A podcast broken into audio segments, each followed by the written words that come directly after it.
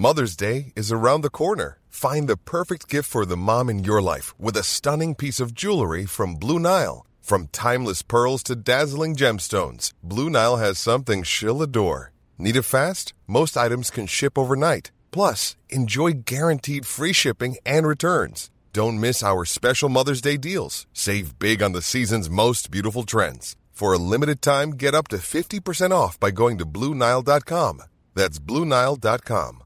Quality sleep is essential. That's why the Sleep Number Smart Bed is designed for your ever evolving sleep needs. Need a bed that's firmer or softer on either side? Helps you sleep at a comfortable temperature? Sleep Number Smart Beds let you individualize your comfort so you sleep better together. JD Power ranks Sleep Number number 1 in customer satisfaction with mattresses purchased in-store. And now save 40% on the Sleep Number limited edition Smart Bed for a limited time. For JD Power 2023 award information, visit jdpower.com/awards. Only at Sleep Number stores or sleepnumber.com. Hi, I'm Daniel, founder of Pretty Litter. Did you know cats tend to hide symptoms of sickness and pain? I learned this the hard way after losing my cat, Gingy. So I created Pretty Litter, a health monitoring litter that helps detect early signs of illness by changing colors, saving you money and potentially your cat's life. Pretty Litter is veterinarian developed, and it's the easiest way to keep tabs on your fur baby's health right at home. Go to prettylitter.com and use code ACAST for 20% off your first order and a free cat toy. Terms and conditions apply. See site for details. Palmemordet, Lisbeth, del 6. Hovrätten. Sveriges statsminister Olof Palme är död. 90 000. Ja, det är mord på Sveavägen. Hörde de säger att det är Palme som är skjuten. Mordvapnet med säkerhet är en Smith Wesson, en revolver kaliber .357. Inte ett svar. Finns inte ett svar. För jag har inget. Och jag har inte varit Varför skulle jag Polisen söker en man i 35 till 40-årsåldern med mörkt hår och lång mörk rock. Hej, Dan här som kommer in innan jag tar in Cecilia som Lisbeth Palme. Jag sitter djupt i researchen om polisman L och jag har en juridisk fråga som jag måste få svar på så att jag måste antingen betala en jurist och eller få hjälp av någon av er. Om någon av er är duktiga på juridik så kontakta mig på Palmemordet på Facebook och skicka mig ett privat meddelande så kan jag ställa frågan. Jag tror att det blir två eller tre avsnitt beroende på juridiken om Polisman L. Jag vill också be er som sponsrar podden på patreon.com eh, palmemordet att eh, gå in och kolla era kort. Det är nämligen 140 dollar per avsnitt i maj som blev declined. Alltså att kortbetalning inte gick. Jag tror att det beror på att ni har bytt kort och inte gått in på Patreon och ändrat. Men om ni har valt att, eh, att inte sponsra podden vidare och inte stängt av sponsringen på Patreon utan tänkt att nu gick mitt kort ut, då kan jag sluta. Gå gärna ändå in på Patreon och stäng av kortet så att jag vet, för nu är siffrorna på Patreon väldigt missvisande. Polisspåret kommer att fortsätta efter Polisman L om vi ligger på 500 dollar eh, inklusive då de eh, misslyckade betalningarna. Men Polisman L kommer i sommar. Eh, det jag kommer att göra nu är att göra de här Lisbeth-avsnitten och sen kommer Tobias in med några avsnitt beroende på hur många han hinner göra. Och sen fortsätter jag med Polisman L, så det är planen framöver. Polisman L är ju en av de mest fascinerande poliserna i polisspåret så att det hoppas jag att ni också kommer att tycka när ni har hört avsnitten. Dagens avsnitt kan vi tacka då Cecilia för förstås, men även eh, Gunnar Wall.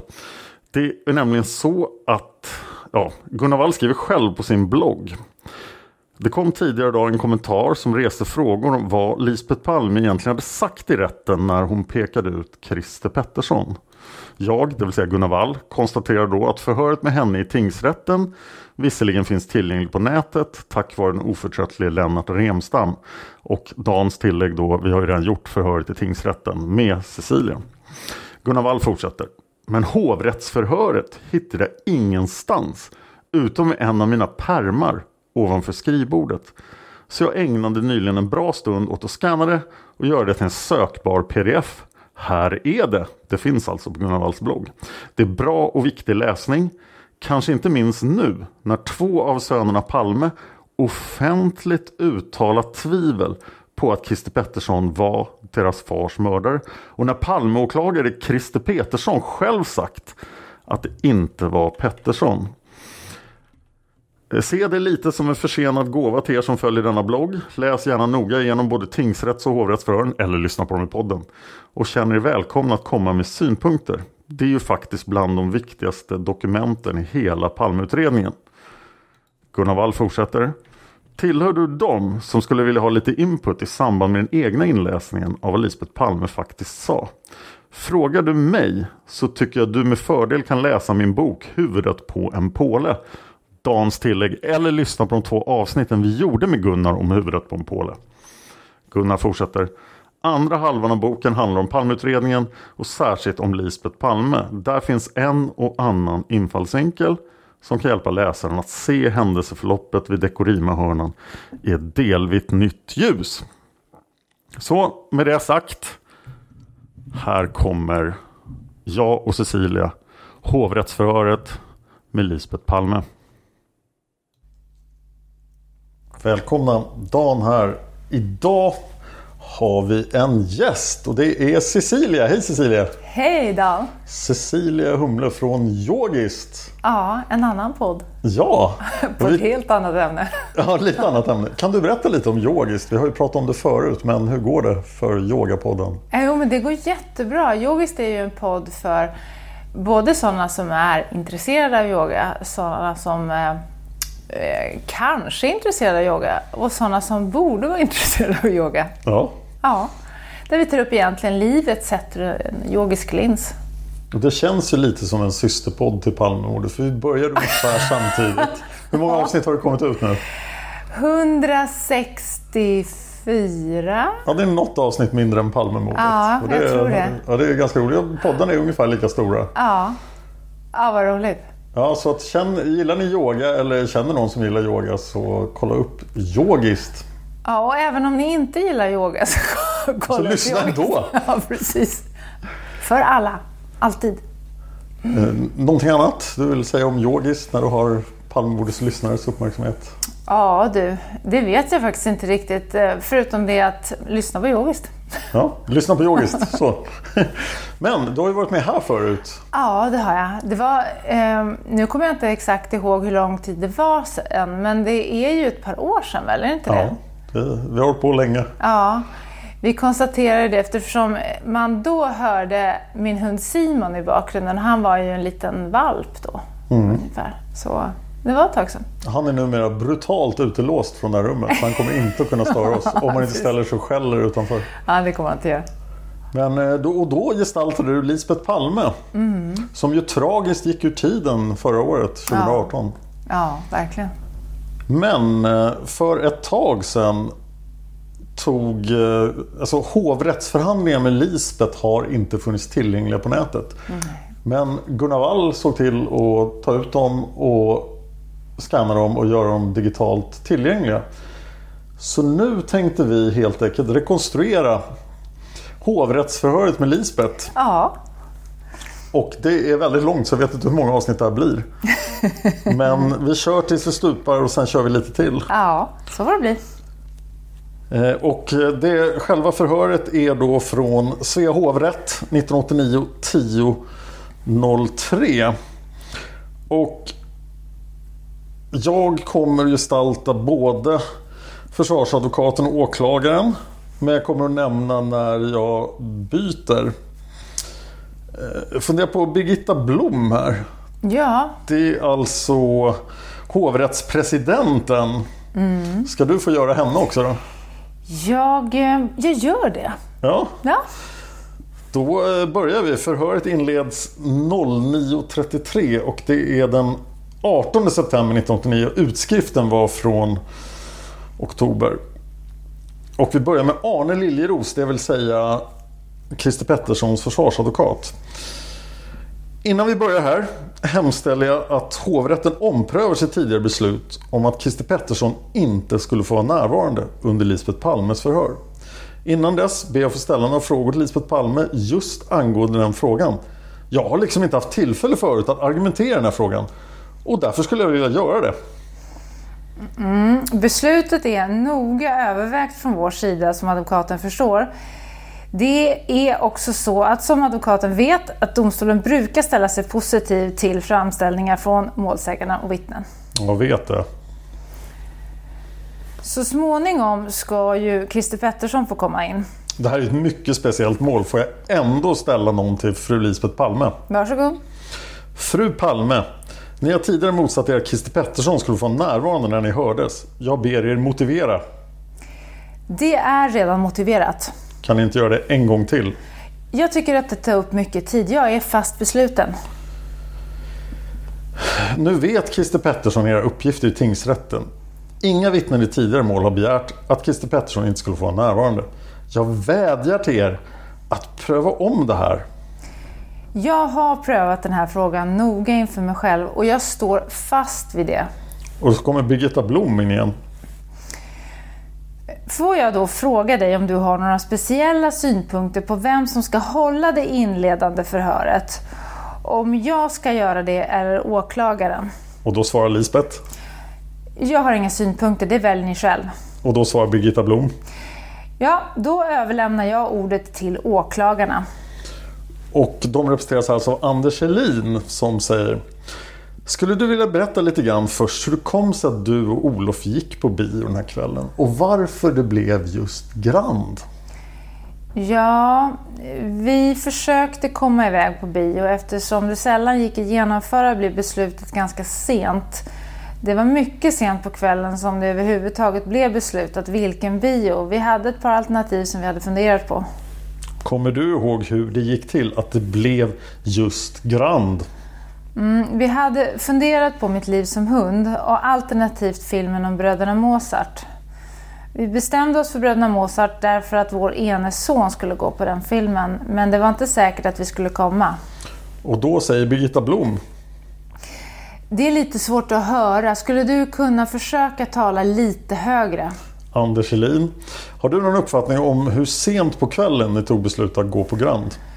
Mm, Det är svårt att säga. Vi kom inte iväg förrän vid halv nio-tiden. Vi hade inte beställt biljetter utan stod i biljettkön sent. Det var väldigt sent, i varje fall efter middagstid kan man säga.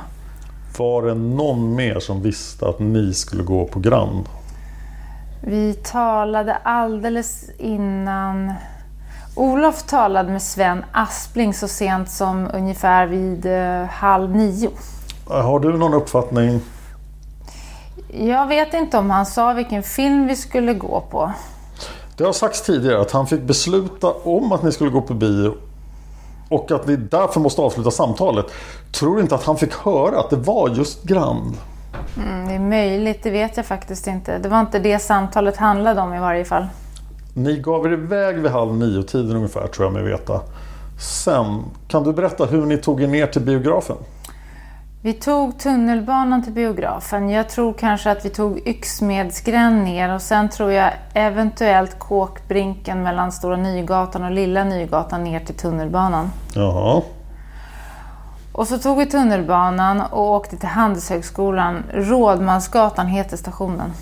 Stationen heter Rådmansgatan, ja. Eh, La ni märke till något speciellt under promenaden till tunnelbanan? Här kommer Birgitta Blom in. Även åklagaren bör höja sin röst lite grann. Jag ska försöka. Egentligen inte på vägen ner till tunnelbanan. Medresenärer tittade ju alltid på Olof. Ja, det förstår jag. Och det gjorde de den här gången också. Det var så vanligt förekommande att det egentligen inte förvånade. Om jag frågar så här. Hade du någon känsla då att någon kan ha följt efter er och, och varit särskilt intresserad? Jag hade inte någon känsla av det. Och inte på tunnelbanan heller? Nej. Biten Rådmansgatan fram till Grand, kan någon ha följt efter? Det kan jag inte påminna mig om. Vi hade lite bråttom eftersom vi var sent ute. Vi rörde oss snabbt till biografen. Inget speciellt som du har lagt märke till på något sätt? Nej. Sen köpte ni två biljetter. Sonen Mårten hade redan biljetter. Hände något speciellt under föreställningen, före eller efter? Nej, vi talade med några bekanta både i kön och vid föreställningen. Två olika bekanta som satt bakom oss. Det var inte något som jag lade märke till särskilt. Vi dröjde oss kvar kanske lite längre i salongen och gick ut ganska sent tror jag man kunna säga. De andra besökarna fick gå före. Jag tror att det var så, ja. Efter föreställningen, vad gjorde ni då? Vi stannade lite till höger när man kom ut från biografen och samtalade med sonen och hans flickvän om vi skulle göra någonting efteråt. Ja, kommer du ihåg hur diskussionen gick? Ja, det var om vi skulle dricka te eller så. Vi klev några steg framåt och sen beslöt vi oss för att vi skulle gå var och en till sitt håll. Vi diskuterade hur vi skulle gå hem, bland annat att vi skulle gå hem. Det faktum att ni promenerar istället för att ta tunnelbanan, när bestämdes det? Vi funderade på att ta taxi också, men det fanns ingen. Men beslutet att promenera hem togs efter biografen, när ni stod utanför? Ja. Hur kom ni att gå sen på Sveavägen? Vi gick på samma sida som biografen fram till Adolf Fredriks kyrkogata. Vi sneddade vid den upp till halva gatan och sen gick vi liksom där till övergångsstället, resten av gatan och fram till en klänningsaffär och tittade hastigt mycket kort, 10-15 sekunder. Hur gick ni? Bredvid varandra? Ja, men inte när vi tittade i klänningsaffären. Men fram till dess? Ja, och sen gick vi bredvid varandra. På vilken sida om Olof? På yttersidan, arm i arm. På hans vänstra sida fram till Adolf Fredriks kyrkogata? Nej. Men på yttersidan tyckte jag att du sa? Ja, på hans. Närmast gatan? Ja, närmast gatan. Det måste vara på höger sida. Men jag tänkte innan ni korsar Sveavägen. Jag tror att jag gick på yttersidan, gatsidan så att säga, men på hans högra sida hela tiden. Ehm, jag kan definitivt inte säga det. Jag, men jag vet att det gällde när jag kom på andra sidan. Jag kan inte säga att det var så på den första biten. Nähä. Du tittar en stund i affären och sen börjar ni gå vidare igen. Jag vill påminna att det var mycket kort som vi stannade vid affären. Jaha. Eh, hade du fram till dess, tills ni kom fram till affären, lagt märke till om någon följde efter då? Nej, jag hade inte gjort det. När ni fyra står och pratar till höger om Grans, ser du då om någon annan person är i närheten? Jag hade en vag känsla av att någon stod snett bakom, men eftersom jag inte brukar titta runt för mycket, för det var alltid folk som tittade på Olof, så gjorde jag inte det. Men vi klev en bit framåt, det var inte särskilt roligt om andra hörde våra samtal. Du har någonstans en känsla av att någon har uppehållit sig där? Ja, men jag iakttog inte personen i ansiktet eller så. Ja, sen promenaden Sveavägen på andra sidan.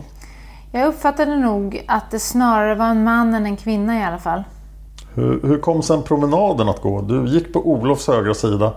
Kan du berätta vad som händer? Vi kom fram i höjd med färgaffären och där hörde jag skott och jag vände mig om med ett ryck mot Olof. Jag tror att jag faktiskt vänder mig nästan i 90 graders vinkel och med ett mycket snabbt ryck. Samtidigt som jag inte förstod att det var riktiga skott utan jag trodde att det var någon sorts smällare.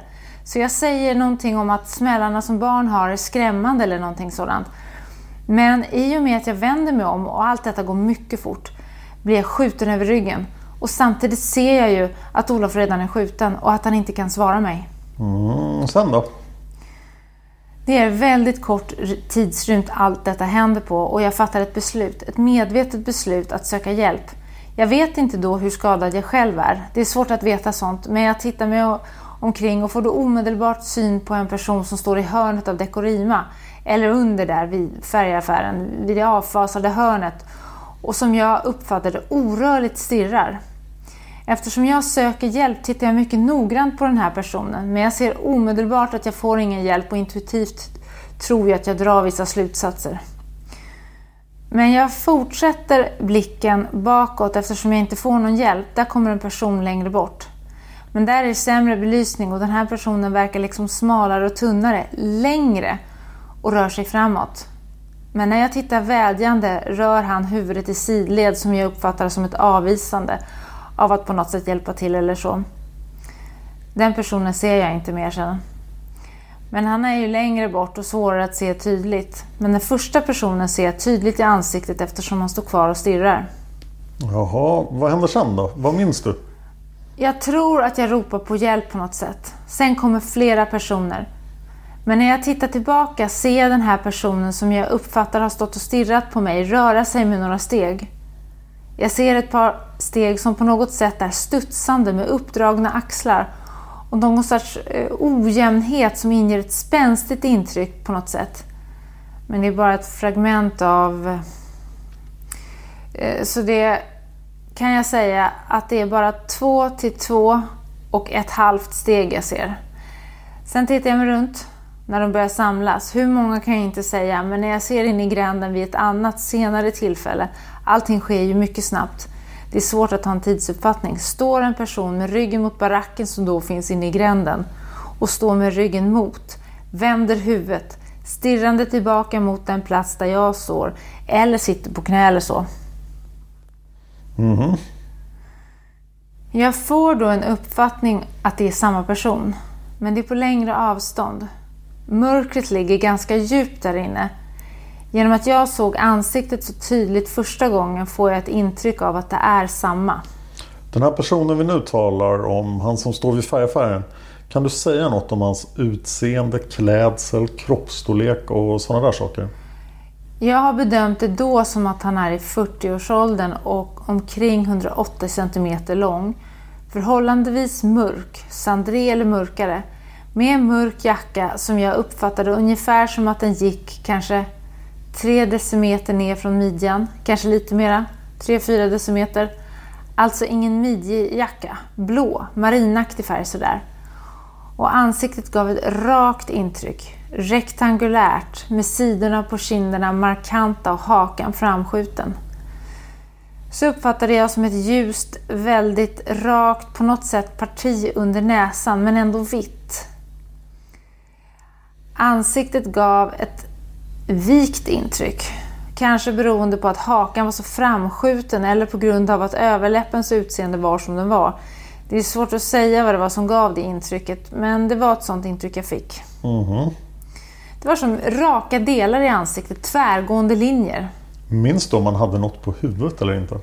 Jag har inte varit så säker på det. Det kan ha varit så, men det kan också ha varit mörkt hår. Det gav ett mörkt intryck i alla fall. Ser du om han håller någonting i händerna? Nej, jag ser inte det. Ljuset följer också på ett speciellt sätt. Jag Want flexibility? Take yoga. Want flexibility with your health insurance? Check out United Healthcare Insurance Plans. Underwritten by Golden Rule Insurance Company, they offer flexible, budget friendly medical, dental, and vision coverage that may be right for you. More at uh1.com. Hey, I'm Ryan Reynolds. At Mint Mobile, we like to do the opposite of what Big Wireless does. They charge you a lot, we charge you a little. So naturally, when they announced they'd be raising their prices due to inflation, we decided to deflate our prices due to not hating you. That's right. We're cutting the price of Mint Unlimited from $30 a month to just $15 a month. Give it a try at mintmobile.com slash switch. $45 upfront for three months plus taxes and fees. Promo rate for new customers for limited time. Unlimited more than 40 gigabytes per month. Slows. Full terms at mintmobile.com. Millions of people have lost weight with personalized plans from Noom, like Evan, who can't stand salads and still lost 50 pounds. Salads, generally, for most people, are the easy button, right? For me, that wasn't an option. I never really was a salad guy. That's just not who I am. But Noom worked for me. Get your personalized plan today at Noom.com. Real Noom user compensated to provide their story.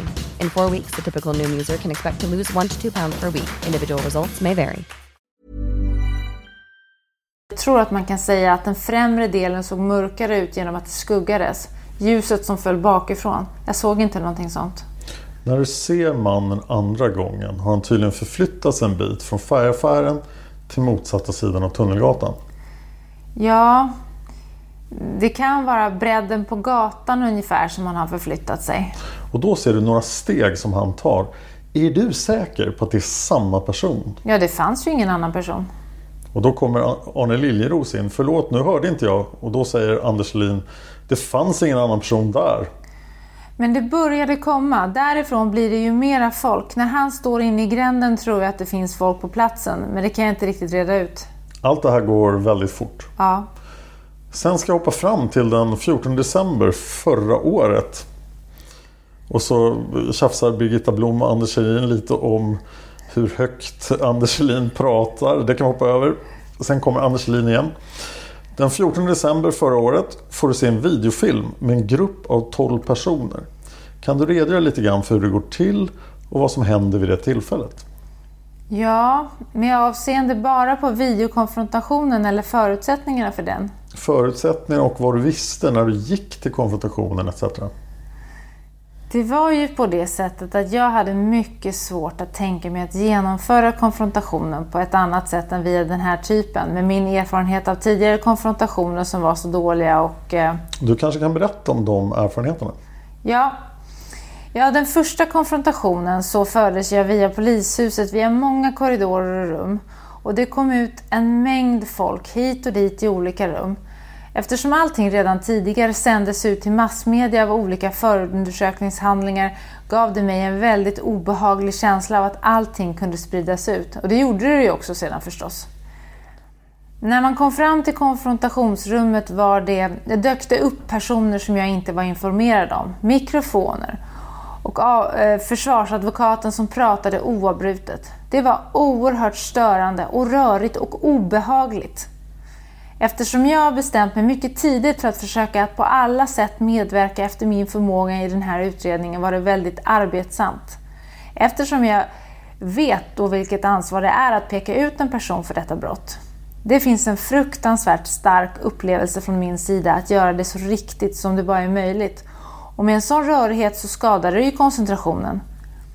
Den värnade, eh, försökte jag värna om, men det var mycket svårt i det första fallet. Sen uppstod en ny konfrontation. Då hade man försökt räta upp det lite grann så att jag inte behövde gå igenom hela polishuset med alla som öppnade dörrar och sprang ut och in. Det gick lite bättre men det var ändå inte tillfredsställande. Eftersom jag är psykolog och van vid perceptionspsykologiska studier såg jag hur dåligt och antikt det är konstruerat faktiskt. Sen har det gått flera år med mycket skriverier. Man har sålt ut mycket av förundersökningsmaterialet, för att inte säga så gott som allt i olika instanser. Jag visste att jag måste värna min vittnesbild så gott jag kunde och visste jag också att det måste vara förhållanden som gjorde det så lite störande som det bara var möjligt. Och när det togs upp att det nu skulle vara nya konfrontationer sa jag att det skulle vara så lite människor som möjligt. Som det naturligtvis var lagligt möjligt. Jag känner naturligtvis inte alls till varken rättsordning eller praxis. Det måste jag bli upplyst om. Då förstod jag att det var möjligt och så genomfördes den här videoinspelade konfrontationen och då var det två åklagare med. Jag bad dem sätta sig bakom mig för att jag skulle kunna koncentrera mig helt och hållet på videoinspelningen. Jag bestämde mig eh, för mig själv att inte kommentera det efteråt. Jag var då inte alls på något sätt inställd på att det här skulle vara en person som jag skulle känna igen. Jag hade då sett säkert över 600 fotografier av olika personer som skulle kunna vara inblandade eller som skulle kunna vara av intresse. Jag kunde se framför mig en räcka av sådana här konfrontationer av olika slag. Därför ville jag koncentrera mig väldigt. Det här är... Men då blev jag också oerhört berörd av det jag såg. Det här ägde rum på Riksåklagarkansliet på Storkyrkobrinken vid 18-tiden på eftermiddagen. Har vi fått höra tidigare. Kan du berätta mer för domstolen vad det var du fick se? Det var ett antal personer som jag tror har valts ut för att se ganska lika ut varandra. De har vissa drag som stämde överens med varandra, men jag såg genast att det var en person som jag kände igen. Mm -hmm. Det var nummer åtta tror jag Sveta som du kände igen. Mm. Och det gjorde du genast? Ja, jag såg det genast och det var väldigt obehagligt och svårt. Kommenterade du som du minns det du fick se när du satt där? Jag tror inte att jag kommenterade det förrän hela videon var visad. Nej, och det tar ju ett tag. Ja. Att visa tejpen. Du menar att eh, du hade ingen kommentar som du minns idag förrän det hela var slut? Nej, jag tror inte det. Som du minns det? Jag hade bestämt mig för att inte kommentera förrän den var visad. Ja. Att inte kommentera under själva visningen. Den person som du reagerade för kände igen nummer åtta. Var det den man du sett utanför färgaffären på kvällen? Det var densamma, ja.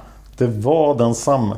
Fick du den känslan av att det är samma person eller att det är en som är väldigt lik? Nej, jag såg att det var samma person. Du var inte tveksam på något sätt? Nej. Du nämnde tidigare att du hade sett, tror du, över 600 fotografier av olika personer. Ja. Jag tror mig veta att de har du fått se under olika år. Ja. Under årens lopp, 1987 och kanske även 1988. Ja. Har du reagerat för någon bild?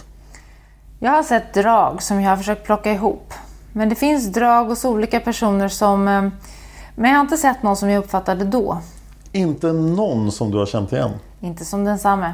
Sen fick du se, vill jag minnas, den här videofilmen en gång till i januari. Ja, jag begärde att få se videofilmen en gång till därför att jag tyckte att det här var fruktansvärt ansträngande. Att jag så säkert hade känt igen den här personen. Mm. Och, och skälet till att du ville se det en gång till? Jag tyckte att det var ett ansvar att göra det. Var det för att korrigera en eventuell missuppfattning? Jag ville verkligen se att det överensstämde så entydigt. Men hur gick det till då? Kan du berätta för domstolen om det? Jag begärde bara att få se vederbörande därför att jag hade inget intresse av att se det andra. Jag ansåg inte att de andra stämde överens eller hade några drag. Det var ju också utvalda för det. Det är ansiktet som jag mest lägger märke till. Jag har inte sedermera sett vederbörande bakifrån springande på ett speciellt sätt som jag då uppfattade. Kroppshållningen var väldigt speciell. I alla fall så pass att jag lade märke till det. Vid andra tillfället skedde det under samma villkor som den 14 december. Ja. Samma plats, samma personer närvarande. Ja. Var det av samma skäl som du inte ville att några andra skulle vara med? Ja, det har läckt ut alldeles för mycket uppgifter. Jag såg det som väsentligt. Det kommer att läcka ut sedan mellan tingsrätten och hovrätten också. Sen har du fått se den här personen, nummer åtta i naturligt tillstånd så att säga, vid tingsrättsförhandlingen här, förra gången menar jag. Ja. Är han den person som du såg på Tunnelgatan där på kvällen? Vid den senaste konfrontationen vid tingsrätten blev det ju en än starkare upplevelse av att det var vederbörande. Det kan bero också på att det har på att vederbörande har suttit fängslad eller vad det heter. Häktad, ja. Häktad. Och utseendet överensstämde ännu mer vid just det tillfället. Jag upplevde att det var samma person vid första konfrontationen som var i videon. Men här blev det än tydligare också. Jag ringde upp åklagarna efteråt, en av åklagarna, och delgav det. Om jag istället frågar så här.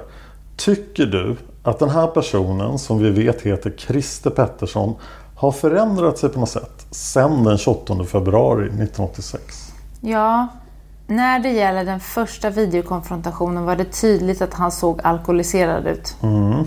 Det har jag också nämnt. Ja, det finns en notering om det. Men om du jämför minnesbilden du har av honom från så att säga, tingsrättens förhandling och den minnesbild du har från den 28 februari 1986. Tycker du att det är några förändringar då? Mustaschen har jag inte något minne av. Jag talade ju om en påfallande vit yta. Det kan bero på belysning och andra saker. Det kan jag inte säga. Det var en påfallande rak och vit yta. Han hade ett ganska långt parti där. Mm. Jag vill påtala att det var en påfallande stark upplevelse att åter se vederbörande. Du är övertygad om att det är samma person? Ja, bilderna föll samman. Någon har beskrivit det som att poletten föll ner. Det var några bilder som föll samman för mig. Mitt minne är väldigt bildpräglat. Har du gott minne för personer, för utseende?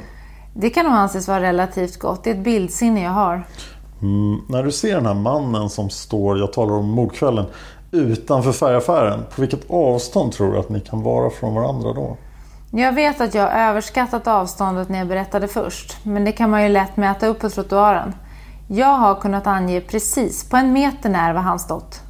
Och var vi var vet ju alla också, så det avståndet var inte stort.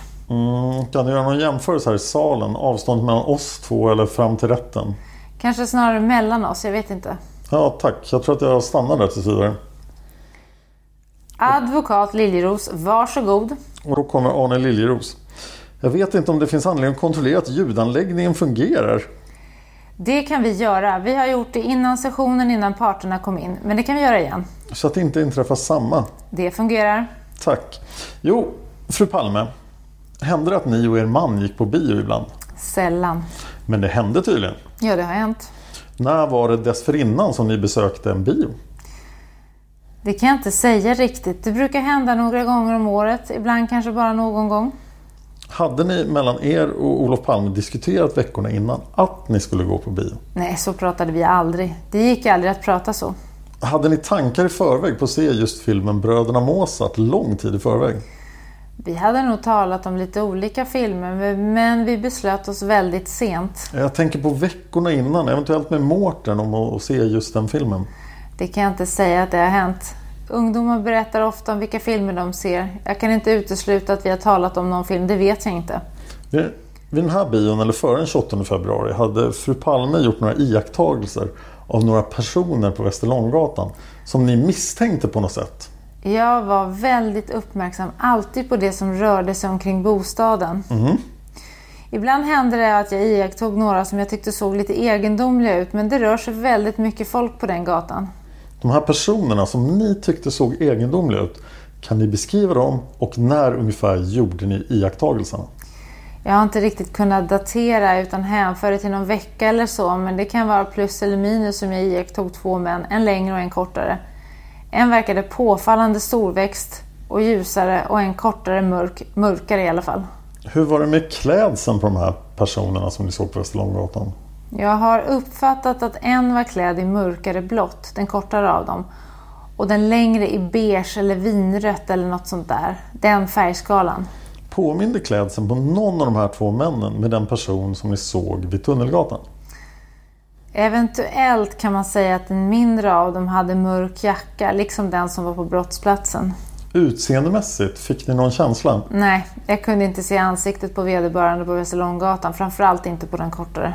Ja, ni har vid något tillfälle i samband med polisutredningen, kanske närmast under natten på Sabbatsbergs sjukhus, sagt att ni trodde att en av männen ni sett på Västerlånggatan kunde stämma med den ni sett på Tunnelgatan.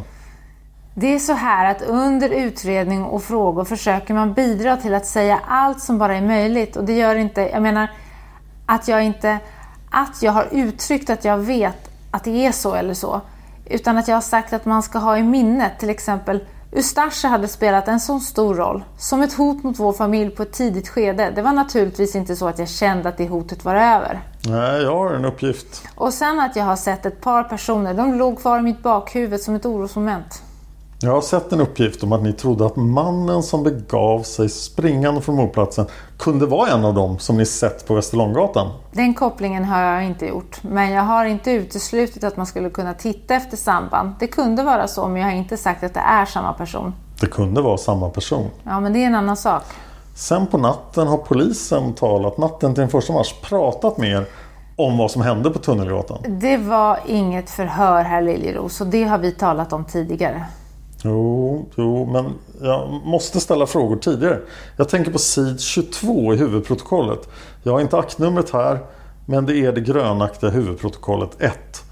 Där har en kommissarie Kristiansson pratat med er på natten och frågat er om signalement. Och då står det, jag citerar, Stor, kraftig, mörkhårig, iklädd midje eller trefjärdedel lång blå eller mörkblå täckjacka. Här finns ingen beskrivning av ansiktet. Hur kan det komma sig? Det vet jag inte. Förmodligen. Det har ju inte varit något förhör. Det har varit ett samtal med er. Ja, Ni har uppenbarligen inte sagt något om stirrande blick eller ansikte. det var inget längre samtal. Det var ett förbipasserande i en korridor. Det var inget förhör. Ett samtal var det i varje fall. Jag försökte säga att de skulle titta på de här sakerna och inte glömma bort de här frågorna. Men det var alltså inte ens så att vi satt ner och talade. Nähä. Men nästa dag, den 1 mars klockan 13 15.35 sker ett samtal med er i bostaden. Det är kriminalkommissarierna Hans Reneborg och Christer Sjöblom som talar med er. Sid 24 i huvudprotokollet. Vilka var närvarande utöver de här kriminalarna vid det här tillfället? Kommer ni ihåg det? Det var nog min ene son och statssekreteraren. Mm. Det står antecknat att sonen Mårten var närvarande och statssekreteraren Ulf Dahlsten. Hur var det? Tillät ni bandspelare vid det tillfället? Nej, jag har aldrig. Jag kan säga det från början så att det blir entydigt. Jag har inte vid något tillfälle velat ha bandspelare. Det här var ju första tillfället ni hördes mer ordentligt så att säga. Varför var ni så rädd för bandspelare då? Jag förutsåg hur man skulle kunna använda bandspelare. Vid förhöret talar ni om smällare. Var kom de ifrån enligt er uppfattning? Det ekade bakom oss. Ni sa vid det tillfället att ni fick intryck att det var smällare som ungdomar leker med. Ja, för mig. Jag är helt obekant med hur sådana här saker låter. För mig lät det då... Jag blev väldigt skrämd, för det lät ju naturligtvis mer än vanliga smällare brukar. Men de har ju olika karaktär också. Uppfattade ni inget starkare ljud vid tillfället? Jo, men smällare kan ju låta oerhört olika, så är det ju. Var trodde ni att de här smällarna kom ifrån? Bakifrån som jag nämnde nyss. Mm, I närheten av er eller längre bort? Jag vände mig ju oerhört snabbt om. Det här rörde sig om två sekunder som jag haft någon tanke på varifrån det kommer. Sen ser jag hur det är Ja, det ser jag omedelbart. Jag har vänt mig om. Det rör sig om någon sekund. Jag är mycket reaktionssnabb. Det är så. Såg ni den här personen i ansiktet? När ni berättade för polisen den första mars, kommer ni ihåg att ni nämnde att ni såg personen i ansiktet? Nej, men jag gjorde det. Nej, men ni sa tidigare inget om det. Herr Liljeros frågar om två saker på en gång. Jag såg personen i ansiktet. Det är möjligt att det inte framgår, men det beror också på förhörsledningen vad som kommer fram. Ni sa vid tingsrätten att ni inte hade förtroende för de här kriminalinspektörerna. Nej, de ingav mig inget stort förtroende. Det har visat sig senare också att uppgifterna läckt ut tidigare. Reneborg och Sjöblom är synnerligen vederhäftiga förhörsledare. Det kan jag försäkra er. Jag kände inte något. Jag tror att jag i den situation jag var behövde känna ett starkt förtroende för att kunna tala om så svåra saker. På sid 25, en bit nedanför mitten, står antecknat, jag citerar 40-årsåldern, cirka 180 cm lång och med kompakt kropp med kort hals. Han var mörk, men inte på ett direkt sydländskt sätt, utan håret var mer brunaktigt. Var håret brunt mörkt? Jag uppfattade det som mörkt, alltså inte en ljushårig person. Jag har sagt att jag inte var säker på om han bar mössa eller inte. Jag citerar. Han var iklädd en blå, något lite bullig täckjacka som gick en bit nedanför midjan. Han hade vidare mörka, troligen grå byxor. Ja, mörka gav det ett intryck av. Men det kan ju också vara en belysningsfråga, men de gav ett mörkt intryck. Blev ni bländad när ni tittade upp mot mannen? Det var ju väldigt starkt sken. Nej, så starkt är det inte att man blir bländad. Nej, men det blir en egendomlig belysning när det är tänt på dekorima.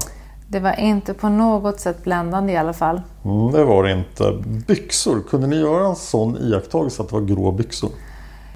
Och där slutar vi hovrättsförhöret för idag. Nästa vecka kommer ni få mer om gärningsmannens byxor som Lisbeth uppfattade dem. Palmemordet finns på Facebook.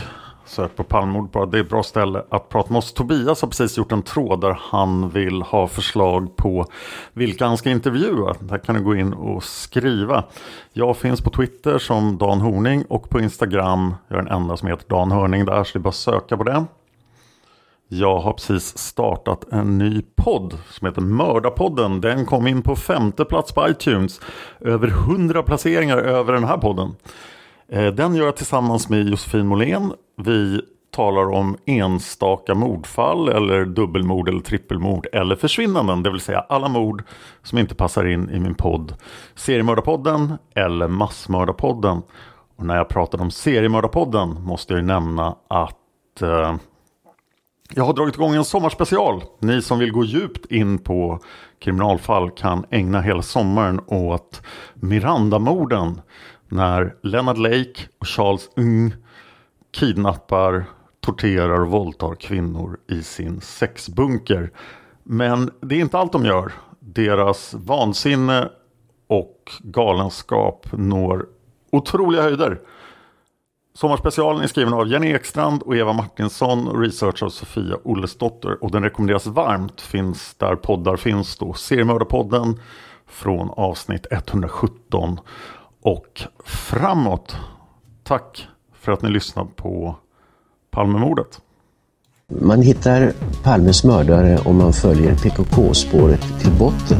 Därför att ända sedan Julius Caesars tid har det aldrig hört talas om ett mord på en framstående politiker som inte har politiska skäl. Polisens och åklagarens teori var att han ensam hade skjutit Olof Palme. Och det ledde också till rättegång. Men han frikändes i hovrätten.